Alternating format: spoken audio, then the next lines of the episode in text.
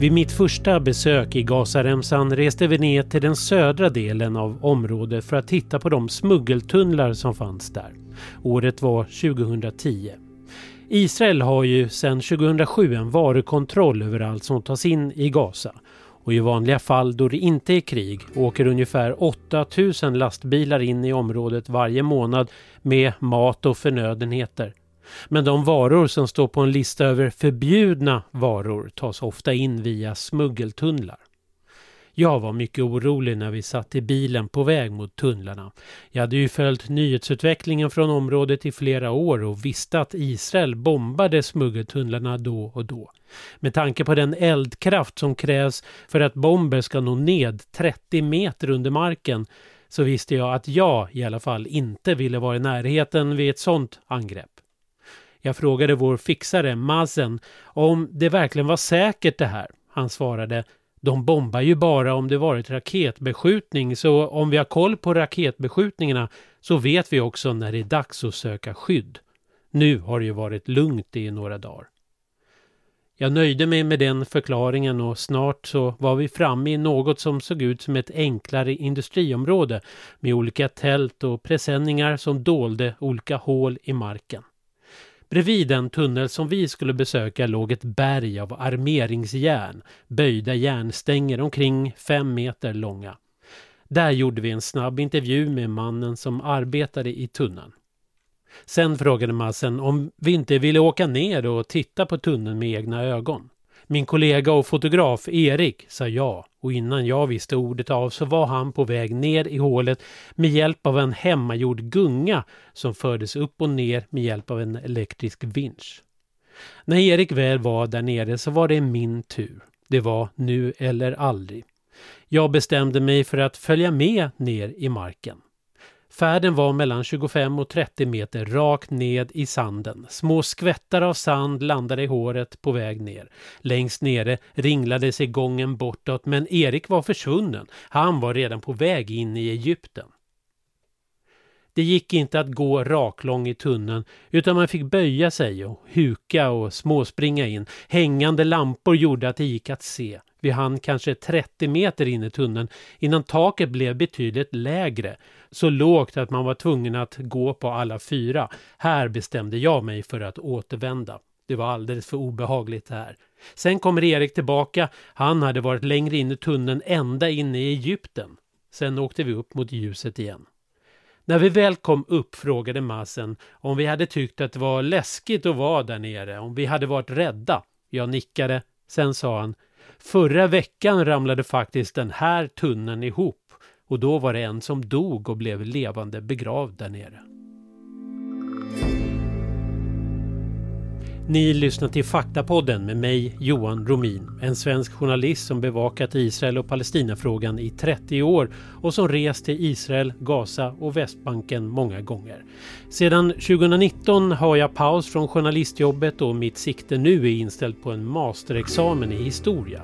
Jag har precis lämnat in min magisteruppsats om antisemitism i Sverige på 1800-talet. Det här är den avslutande delen i serien om Israel och Palestinakonflikten. Att vara historiker är som att vara en kartritare. Olika kartor har ju olika syften och alla kartor har inte och kan inte heller ha med alla detaljer som finns i en verklighet. För då upphör det ju samtidigt att vara en karta och istället att bli verklighet. Så alla kartritare måste göra ett urval. Vad är det som passar in och vad är det som kan tas bort från kartan? Just det här är historikerns dilemma och då särskilt i en infekterad fråga som Israel och Palestinafrågan. För varje val av fakta, varje perspektiv och varje bortval går att ifrågasätta. Men det viktiga med en karta om historia är att perspektivet är transparent och genomskinligt och att man kan berätta på vilket sätt man närmat sig ett ämne. Det viktiga är att skildringen blir balanserad och det här är ett sådant försök. Det här är Faktapodden. Det finns de som påstår att Israel bildades på grund av FNs delningsförslag 1947 det är fel. Israel bildades då David Ben Gurion utropade staten Israel den 14 maj 1948 och i det krig som rasade mellan den 15 maj 1948 och stilleståndet i mars 1949. Israel kallar det här för självständighetskriget och palestinierna de kallar det istället för Nakba, katastrofen. Sedan 1948-49 har det ju blivit fred mellan Israel och Egypten och mellan Israel och Jordanien. Men eftersom det inte blivit någon varaktig fred mellan israeler och palestinier så är det samma konflikt som pågår än idag som bröt ut i slutet av 1947 och som hade sina rötter i 1920-talet. Ibland är konflikten lågintensiv. Ibland har det till och med varit mycket nära fred mellan parterna, som 1993. Men ibland sker det upplopp och bråk och det kan blossa upp till regelrätta strider och till en militär nivå. Men i grund och botten är det samma krig och samma konflikt som 1948. Det är viktigt att ha med sig. Den 14 maj 1948 utropade alltså den judiske ledaren David Ben Gurion staten Israel. Mycket snabbt inpå blev statsbildningen erkänd av stormakterna. Men den nybildade statens grannländer vägrade erkänna landet.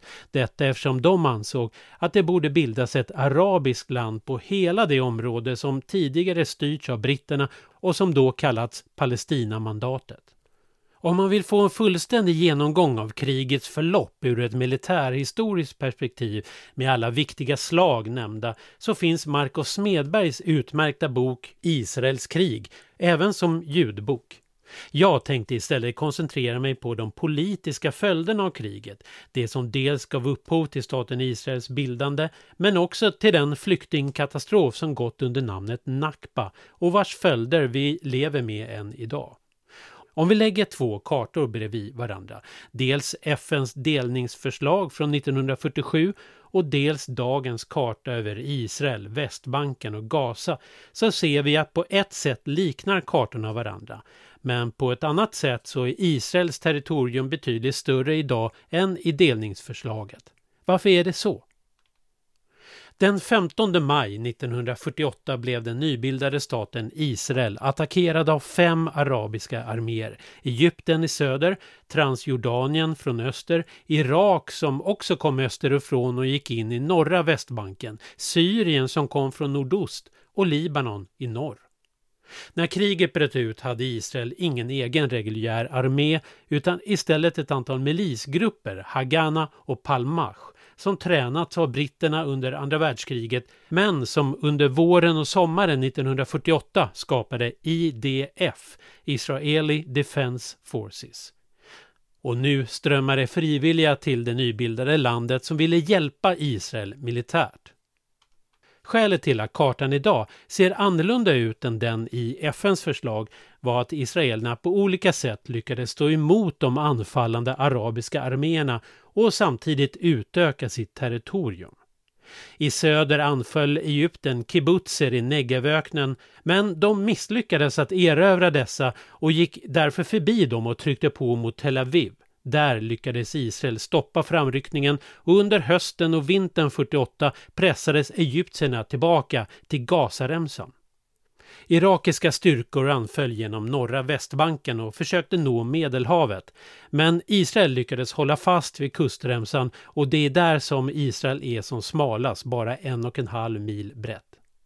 I norra delen anföll libanesiska och syriska styrkor men Israel lyckades även här trycka tillbaka de anfallande arméerna och erövra ytterligare land i det som idag är norra Israel. De hårdaste striderna däremot var kring staden Jerusalem och utmed vägen mellan Tel Aviv och Jerusalem. Den väg som israelerna hade bestämt sig för att inte släppa eftersom det var en viktig försörjningsled till den heliga staden. Det var Transjordanien som anföll Jerusalem österifrån och striderna ledde till att den gamla staden, där de heliga platserna som Västra muren och Tempelberget ligger, föll i transjordanska händer. De västra delarna av staden föll i judiska händer, men transjordanska soldater fördrev judar ur östra Jerusalem. Araber fördrev samtidigt från byar som hamnade i den västra judiska delen av staden. Det är på grund av det här som många talar om östra och västra Jerusalem. Under kriget beslutade FN om två stycken vapenvilor. Under de två pauserna i kriget lyckades Israel köpa vapen och ammunition från Tjeckoslovakien och mobiliserade stora delar av den egna befolkningen. Det här kriget kallar ju Israel sitt självständighetskrig. Men palestinierna de talar om Nakba, katastrofen, den flyktingkatastrof som kriget ledde till. Vilken bakgrund hade den egentligen? Varför flydde omkring 700 000 palestinska araber? Blev de fördrivna eller flydde de på grund av rädsla för kriget? Svaret är både och. Den klassiska israeliska ståndpunkten har varit att palestinierna flydde på grund av att deras ledare uppmanade dem att göra det under parollen ”Om ni ger er väg så ska vi krossa den sionistiska fienden”. Den klassiskt palestinska ståndpunkten däremot är att palestinierna blev föremålet för en planerad och systematisk etnisk rensning. Sanningen tycks ligga någonstans däremellan. Det finns rader av forskare och historiker som fört fram flera olika orsaker till att palestinierna flydde eller fördrevs. En av de främsta historikerna inom det här området heter Benny Morris och jag som följt det här länge lutar mig mot hans ståndpunkter som också backas upp av många andra historiker. Morris menar att den vanligaste orsaken att palestinier flydde var rädsla för kriget, men att det också skedde fördrivning. Morris har undersökt omkring 400 byar och kategoriserat orsakerna till varför människor flydde just där. Det visar sig att fördrivning låg bakom ungefär 15 procent av fallen. Så visst skedde fördrivningar, att säga något annat stämmer inte. Men de allra flesta palestinier flydde på grund av det som fått miljoner flyktingar att fly både innan och efter denna händelse i alla krig, nämligen rädslan att hamna i strider mellan två parter. Några omständigheter styrker också Morris ståndpunkt att det inte fanns någon generalplan att fördriva palestinier. Efter kriget fanns ju 157 000 araber kvar i det område som blev staten Israel.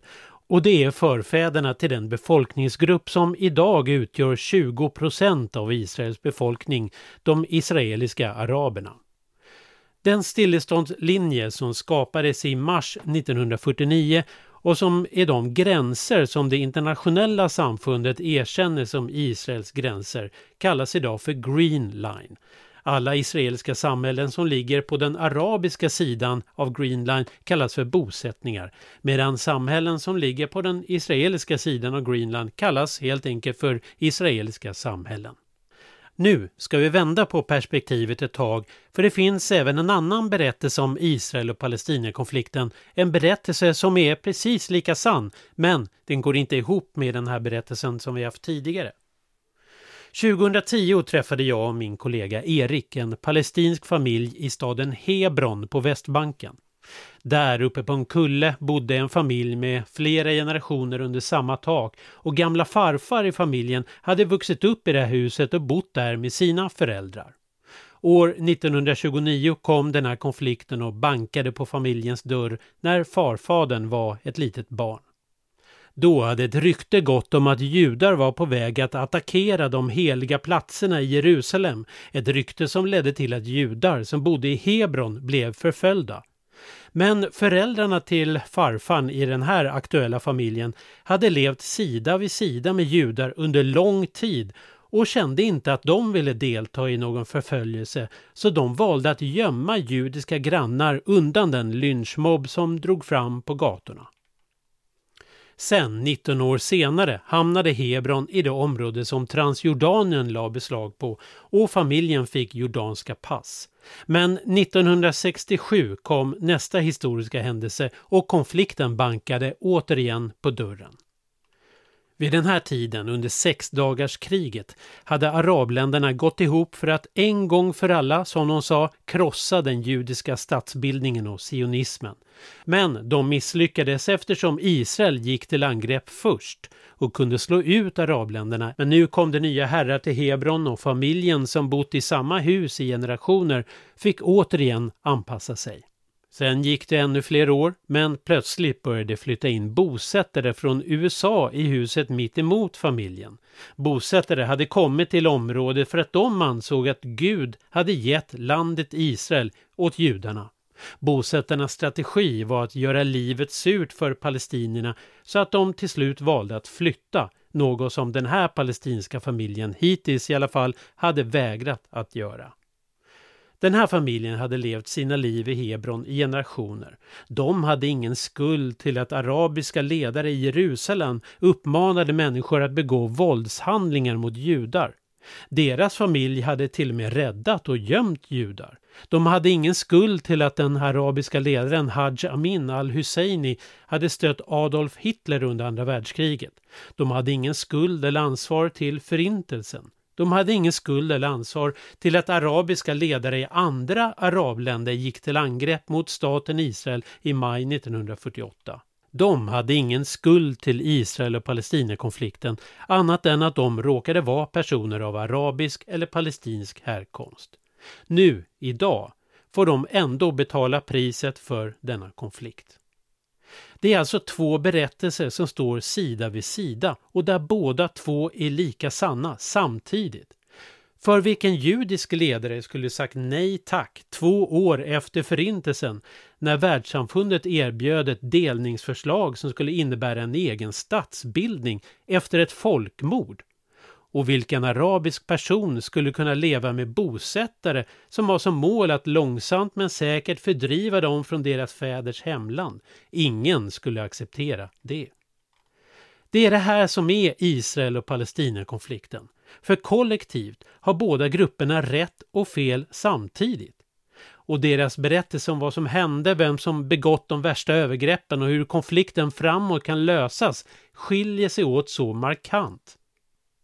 Kriget 1948-1949 skulle följas av flera krig. Suezkrisen 1956, sexdagarskriget 1967, Jom Kippur-kriget 1973, Libanonkriget 1982 och så vidare. Ända fram till våra dagar då Hamasrörelsen i Gaza kastar in området i ytterligare en militär konfrontation. Det här var det sista avsnittet i ämnet Israel och Palestina för den här gången. Jag kommer säkerligen få anledning att återkomma till konflikten längre fram. Ni har lyssnat till Faktapodden med mig Johan Romin. Kolla in övriga avsnitt av podden och håll utkik efter kommande avsnitt. Fram tills dess, ha en skön sommar. På återseende. Hej då!